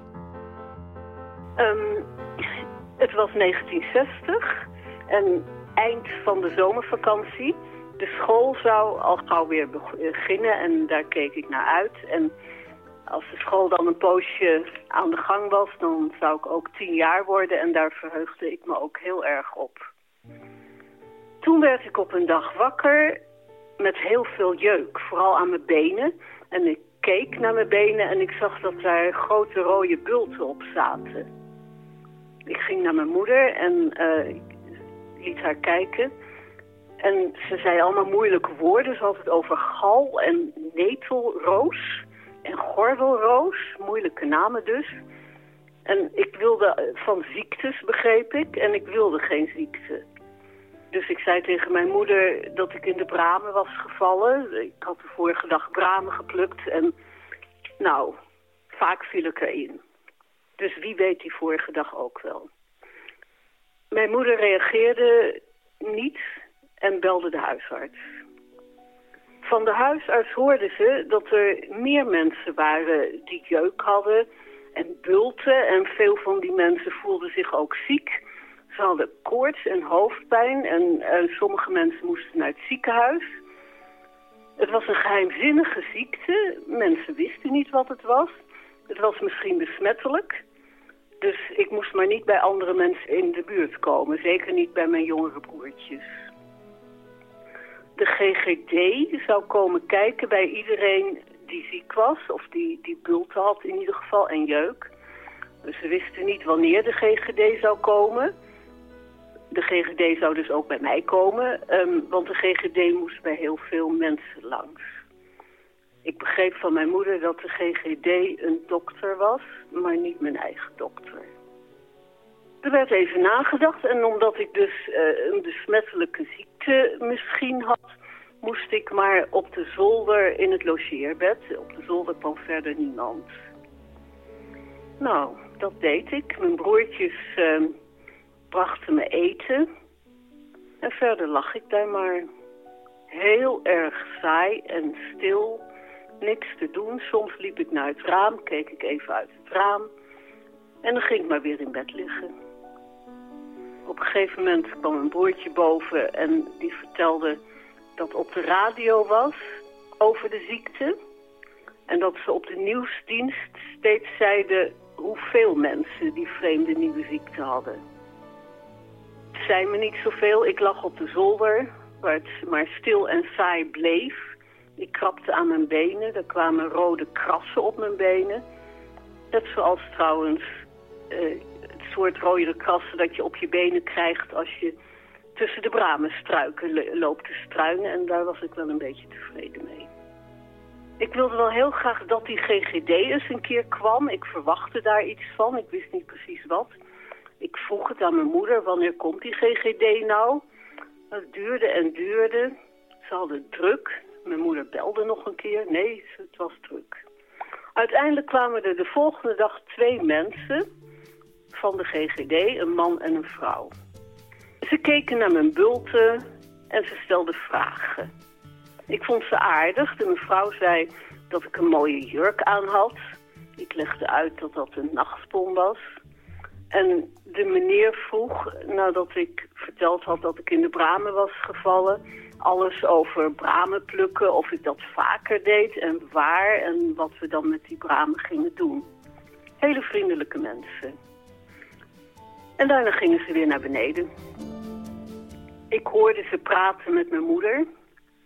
En even later hoorde ik van mijn moeder wat ze aan haar verteld hadden. Namelijk dat ik de plantaziekte had. En al die mensen die in 1960 toen met jeuk en, en bulten in bed lagen, hadden de plantaziekte.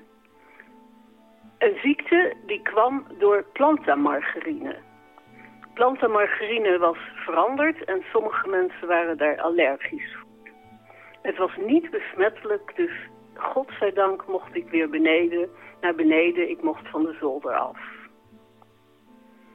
Ik kon heel erg goed begrijpen dat het door de planta kwam. Want ik had tijdens het eten zat ik aan tafel en soms duurde het eten lang en dan las ik graag de etiketten van wat er zo op de tafel stond. En op de planta, dat had ik gezien, stond verbeterde samenstelling. Dat klopte dus eigenlijk niet. Het was geen goede verbetering. Uiteindelijk ehm, heeft mijn moeder nog een half pakje planta weggegooid. Ze mopperde erover, want eh, dat kostte geld en eh, zonde, om weg te gooien. Ze kocht andere margarine en ik had eh, weer iets anders om te lezen. En daar was ik blij om.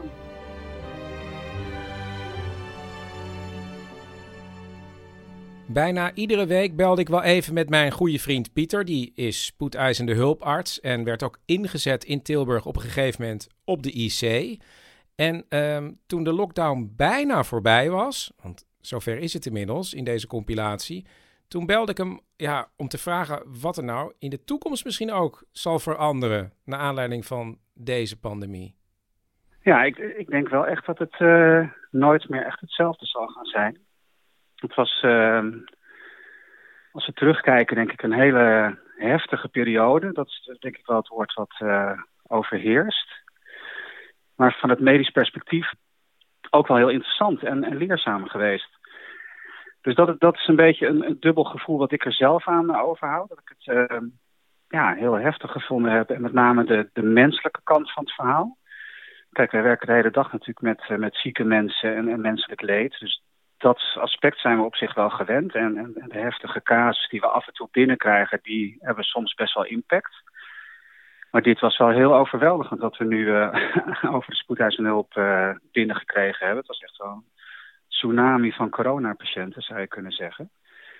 En uh, ja, dus we zijn ook best wel een beetje geschrokken van de, van de hoeveelheid en, en de heftigheid dat iedereen zo ontzettend ziek was. Dus dat, dat heeft echt wel impact gehad.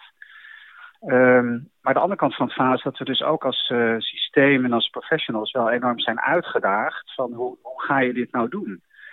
En uh, ja, ik, ik denk, dat heb ik in vorige uitzendingen al wel gezegd, ik, ik denk dat we wel echt trots zijn hoe, we, het, uh, hoe het aangepakt hebben en, en hoe we er doorgekomen zijn. En uh, ik realiseer me ook wel dat we echt wel mazzel gehad hebben dat uh, de bevolking op slot gegaan is en dat dat goed heeft uitgepakt.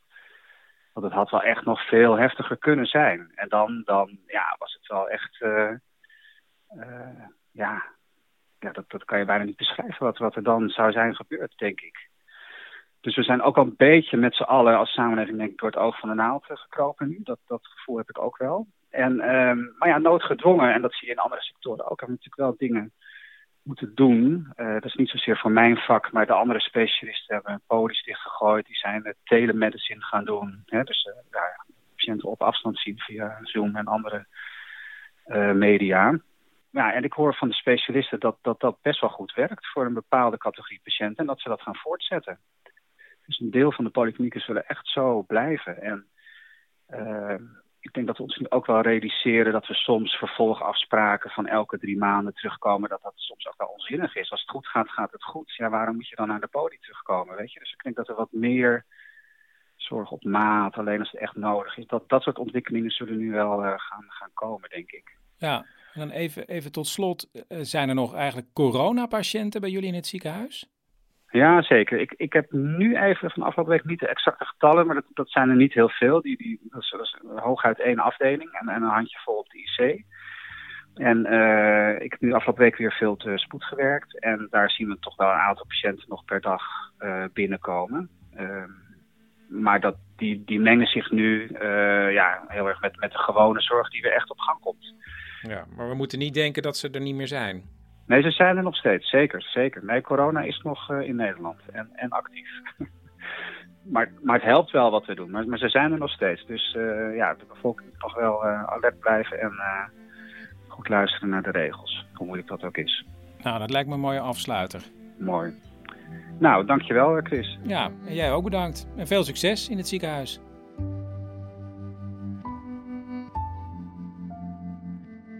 Bert. Chris, daar ben je eindelijk. Ja, eindelijk. Ik heb het heel druk, Bert. Ja, maar goed. Beter later nooit. Ja, ik las in je mail dat je on fire staat. Ja. Nou ja, niet echt natuurlijk, maar ik sta dus wel behoorlijk aan, Chris. Oh, hoezo? Nou ja, hoezo? Je podcast gaat volgende week in lockdown, hè? Dus nu ben ik al bezig wat ik daarna ga doen. Oh, wat, ja, wat, hoezo? Ja, ja. ik sta niet stil, Chris. Ik oh. moet ook verder. Ja. En dat klinkt misschien hard om te zeggen, maar uh, daar was ik ook al een beetje mee bezig toen we nog midden in de aflevering zaten. We, we zaten midden in ja, we? ik heb er de afgelopen drie weken omgeschoold. Omgeschoold? Ja, ik ben nu Practical Life Coach. Practical Life Coach? Ja, en nu vraag jij je natuurlijk af, Bert, wat is een Practical Life Coach? Nou, nee, niet echt. Maar ik neem aan dat je een dat toch practical life coach is een coach die niet werkt met vergezichten of punten op de horizon. Maar? Heel goed. Nu pak ik er toch even een briefje bij. Uh, practical life coach thinks that improvement starts with convenience within your personal surroundings. Waarom in het Engels? Change is without borders, Chris. Maar goed, ja, verbetering ja. begint met gemak in je eigen omgeving, zoiets? Ja, ja. Kijk, je moet alles in je dagelijks leven zo vormgeven dat het zo glad mogelijk verloopt. Want? Want alleen dan schep je de voorwaarden voor een leven zonder hobbels. Een leven zonder hobbels. Dus, en dat staat hier ook op mijn briefje, vermijd frustratie, vermijd irritatie. Dat zijn de zogenaamde energieslurpers. Hè, maar dat staat dan weer niet in het Engels op je briefje. Nee, ik begin in Nederland, maar werk as we speak aan een vertaling. As we speak. Maar dat kan Ja. toch niet? Dat is toch heel raar, Bert? Je kan niet as we speak op dit moment. Dat is eigenlijk een fout. Ja, en ik breng dit dus meteen ook in de praktijk. Ik laat deze opmerking meteen van me afrollen. Hop, en daar ligt hij. Maar goed, in principe gaat het om praktische ingrepen. Leg uit. Dankjewel. Hier heb ik het. Ehm, zorg voor een goede kaasschaaf. Koop geroosterde muesli, zodat je niet de hele tijd aan het kijken bent hoeveel suiker je nu weer aan het binnenschuiven bent met je zogenaamde gezonde kruisje. Maar Ehm, verschoon een kattenbak alleen als je de kat ook zelf gewild hebt. Hè? Mocht daar nu een misverstand over zijn, zorg dan bij de volgende kat, als je die ook weer niet kunt tegenhouden, dat daar dan wel echt harde afspraken over gemaakt worden. Gaat dit over Poekie, Eh, Bert? Leg je sleutels op een vaste plek als je binnenkomt. Koop, als je eenmaal het goede merk gevonden hebt, altijd hetzelfde wc-papier. Dus om maar wat te noemen. Ja. Ja. Maar dit klinkt heel erg als praktische dingen om het leven van Bert beter te maken. Maar wat bij mij werkt, dat kan bij iedereen werken, Chris. Wie heeft jou eigenlijk omgeschoold? Ik? Dat was ik zelf. Omdat het uiteindelijk Bert zelf is die weet wat het beste voor Bert is. En, en dat probeer je nu eh, over te brengen op anderen van die Bert. Precies. En heb je al klanten? Of zijn het eigenlijk klanten of, of meer patiënten? Nou, ik noem het zelf liever eh, cliënten. En nee, nog niet. Maar eh, ik zit nu dus nu ook nog in de opstartfase. Hè. Volgende week dan is de officiële lounge. Een lounge? Ja, een lounge. Kijk, nu ligt mijn total focus nog op deze podcast. Dat vraagt ook een bepaalde mindset. Ja, begrijp ik. Dus. Eh, ja. hey, eh, ik las vanmorgen dat er ook een lerarentekort is, Bert. Oh, is het zo? Mijn moeder zei altijd, Bert, je bent gemaakt voor het onderwijs. Nou, misschien moet je gewoon eens kijken Ja. of je je daar kan aanmelden, Bert. Als backup? Meester Bert. Ja. Jongens, even opletten allemaal. En nu is het helemaal stil. Nou, Bert, Ah. je bent ervoor gemaakt. Denk je? Ja. Zo vlak voor het einde van de serie was ik heel erg op zoek naar een licht en luchtig out of the closet verhaal. Dat leek me zo mooi. En dat kwam er. Van Richard. Ik was een jaar of 17 of zo, toen ging ik op kamers in Rotterdam. En daarvoor eh, wist ik ook wel dat ik eh, homo was of dat daar iets aan de hand was. Dat ik niet eh, volgens de normale normaal norm in elkaar zat. Maar daar ben ik nooit, was ik nooit zo serieus mee bezig. Ik had dat heel goed gewoon, ik had er nooit echt een probleem mee. Ik had me ook omringd met, eh, met vrienden die ook allemaal niet zo met meisjes bezig waren. En ik wist me altijd wel zo te gedragen dat mensen mij leuk vonden. Dus ik had dus een soort, ik kon me goed verstoppen, zeg maar, eh, en het wegstoppen. En ja, dat zou je in de kast zitten kunnen noemen. En dat bleef eigenlijk de hele middelbare school wel. Zo. Alleen toen ik een jaar of 17 was en op kamers ging, toen dan kom je dus in een nieuwe omgeving. En dan ga je toch wat meer nadenken over wie je bent. En ja, daar, eh, ja, daar had ik toch wel problemen mee. En toen ging, werd ik ook wat serieuzer. Toen werd ik ook verliefd op iemand. Ja, dan moet je er toch iets mee. Maar hoe? En eh, daar worstel ik toch mee. Maar zoals ik zei, ik eh wist altijd wel goed te verstoppen. Behalve natuurlijk voor je ouders. Want die lezen jou natuurlijk. Dus die trapte daar niet in. En ik ging nog wel elk weekend naar huis. Ik kwam uit eh, Wimburg. Dus al mijn vrienden woonden daar nog. En als ik dan thuis was bij mijn ouders, dan eh, had ik wel vluchtgedrag. Als er dan werd gevraagd over eh, hoe gaat het met je? Ja, goed. Eh, maar ik ga nu, naar, ik ga nu weg. Ja, en zijn ouders, ja, die probeerden het toch gewoon. En die zeiden van, ja, ben je wel eens verliefd? En dan zei hij, Nee, hoezo? Eh, dus die hadden wel door, er is iets aan de hand. En, eh, en ik was altijd wel al bezig met ballet en met theater en met eh, wat meer de softere kant van het lezen. ja, zijn ouders zagen hun zoon en ja, ze worstelden met de gedachte, wij denken dat onze zoon homo is. Maar ja, wat doe je daar dan mee, hè? Ja, het is een worsteling, maar hoe ga je het zeggen? Dus mijn ouders eh, die, eh, zijn toen naar het COC gegaan om informatie eh, te vergaren. Nou, wij denken dat onze zoon homo is. Hoe moeten we dat doen? Nou ja, en mijn ouders inderdaad altijd wel op de barricades. Hè? Eh, als bisschop Gijs iets geks had gezegd over het, over het geloof en over homoseksualiteit, dan hadden zij alweer een brief gestuurd. En dat was ook al voor, voordat überhaupt mijn homoseksualiteit aan de orde was. Ehm wij keken thuis op tv al naar Paul Haan, omdat ze het goed vonden om eh, goede representatie te zien van wat er allemaal bestaat. En als eh, wij dat zouden zijn, zou het allemaal geen probleem zijn. Dus dat was al het probleem niet. Maar je zit gewoon zelf in je eigen kast nog. Eh, en mijn ouders wilden daar iets eh, mee doen. Ja, dus zij gingen naar het COC en ze, ja, om te vragen hoe gaan we het zeggen? Toen zei ze, nee, daar moet je echt niet over beginnen. Dat is heel bedreigend voor je kind. Daar moet iemand zelf uitkomen. Oké, dus een second opinion. Eh, nou, daar zijn ze nog eh, aangeklopt bij een of andere soort roze ouders, collectief. Nee, ja, nee, dat moet je toch echt niet doen. En dus dachten ze ouders, ja, dan moeten we het maar even verstoppen. Totdat?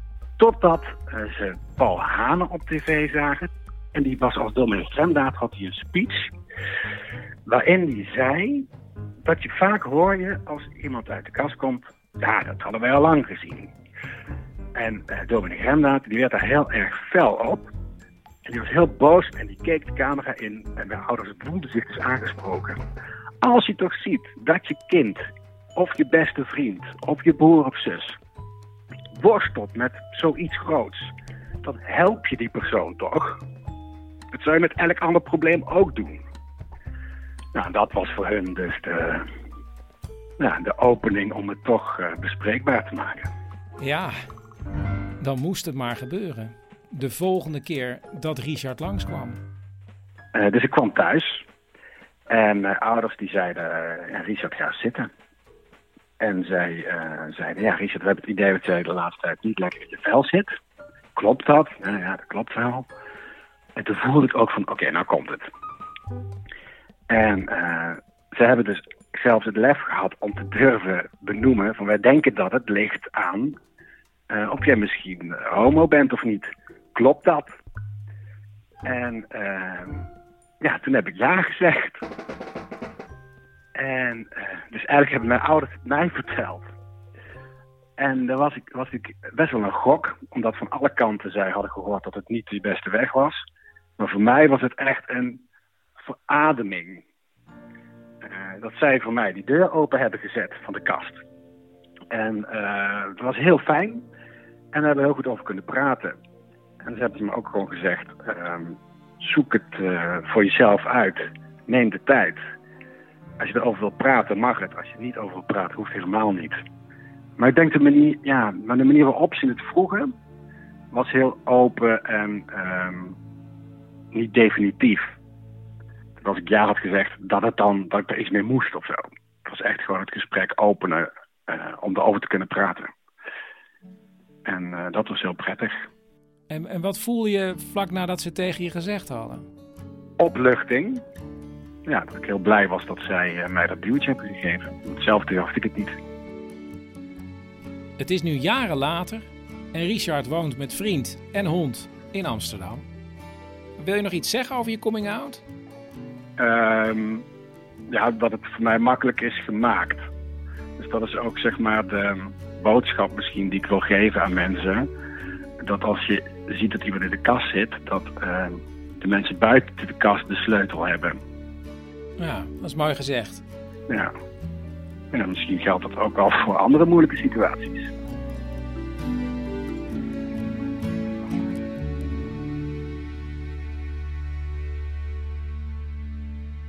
Hallo?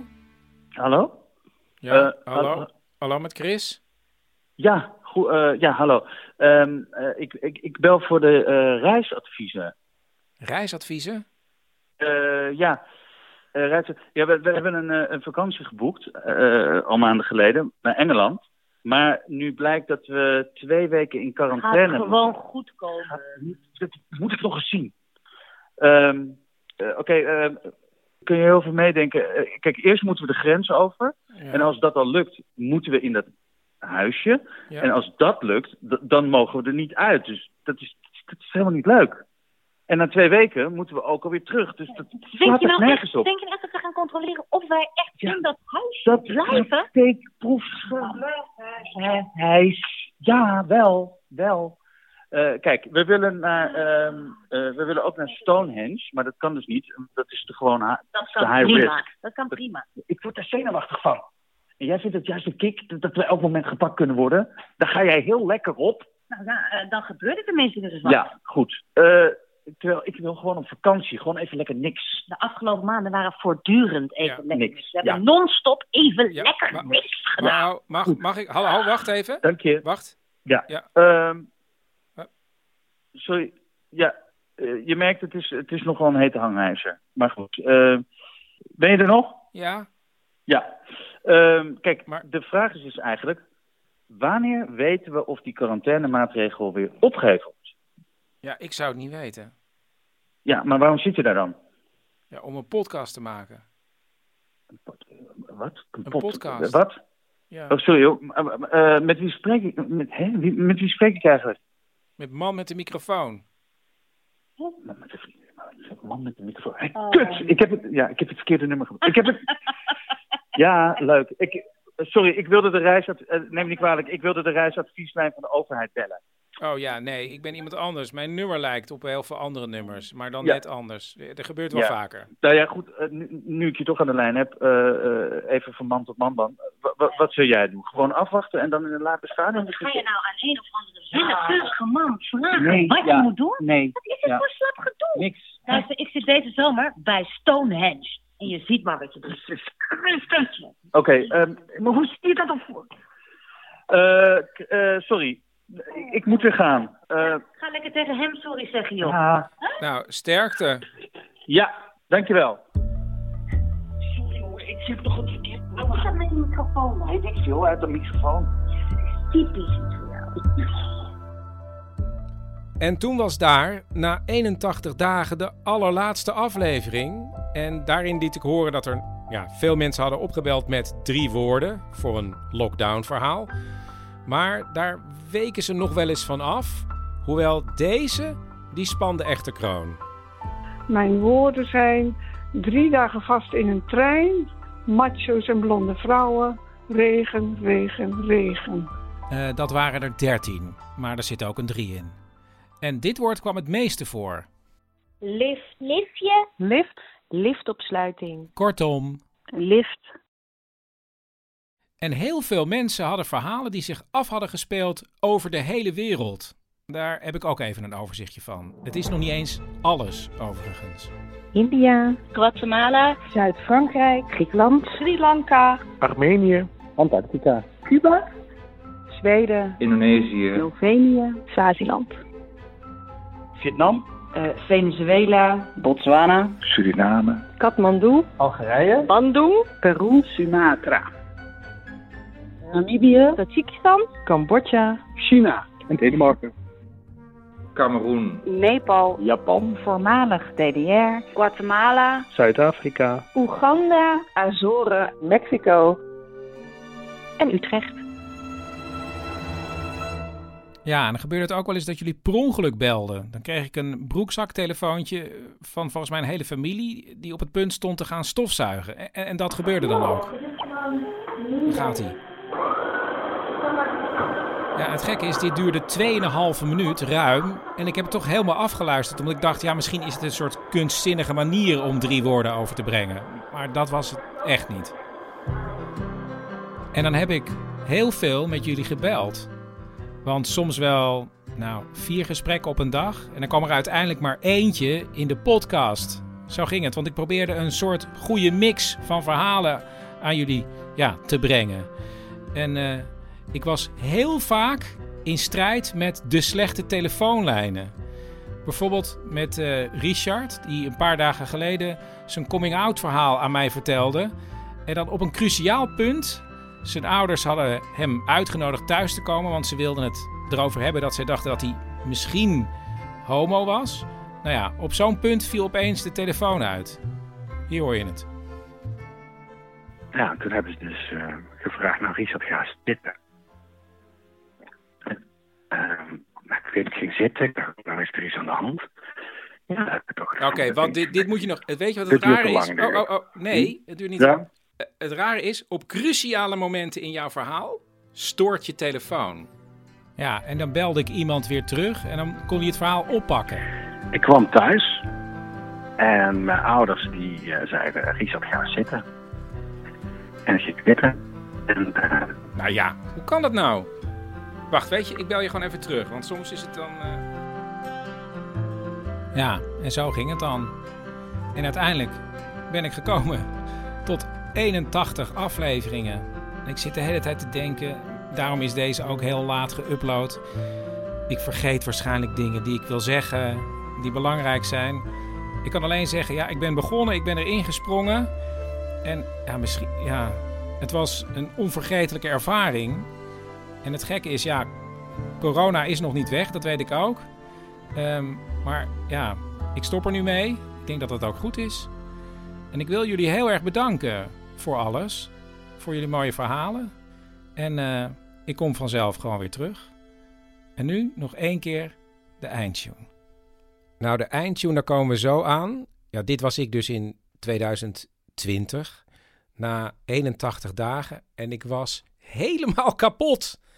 En de, ja, ik, ik, ik moest ik dacht van ja, ik, ik, ik moet nu stoppen, maar ik wilde ook niet stoppen. Ik was, het vond het zo'n fijn programma om aan te werken. En ik had heel veel moeite om uh, de laatste zin in te spreken van deze hele serie. Want ik wilde weer zeggen, nou, voor nu lekker slapen of goedemorgen, maak er een mooie dag van. Daar waren echt heel veel takes voor nodig. Dit was er eentje. En daar komt hij. Voor de laatste keer. Voor zometeen. Slaap lekker. Of anders. Goedemorgen. Het lukte niet. En ook de volgende laatste keer was niet de laatste keer. En dan nu, voor de allerlaatste keer, voor zometeen, slaap lekker. Of anders,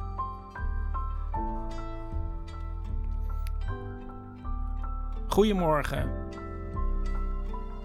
Maar uiteindelijk is het me wel gelukt natuurlijk. En ik ga ook zometeen op deze manier weer afsluiten. Want dit was hem. De driedelige compilatie van de Lockdown-serie. Uh, Man met de microfoon wordt mede mogelijk gemaakt door Theater de Kleine Comedie in Amsterdam. En denk even aan hun online kerstvoorstelling. Met één kaartje kan je heel gezellig met de hele familie live online naar een kerstvoorstelling. Ga naar de site dekleinecomedie.nl. En ik heb ook nog even een lijst van mensen die meegewerkt hebben. Maaike Meijer, Bert Kommerijs, Cecile Heuyer, Daniel Cornelissen, Tom van Kampthout, Gijs Naber, Tekla Reuten en Paulien Cornelissen. En voor zometeen, slaap lekker. Of anders, goedemorgen, maak er een mooie dag van.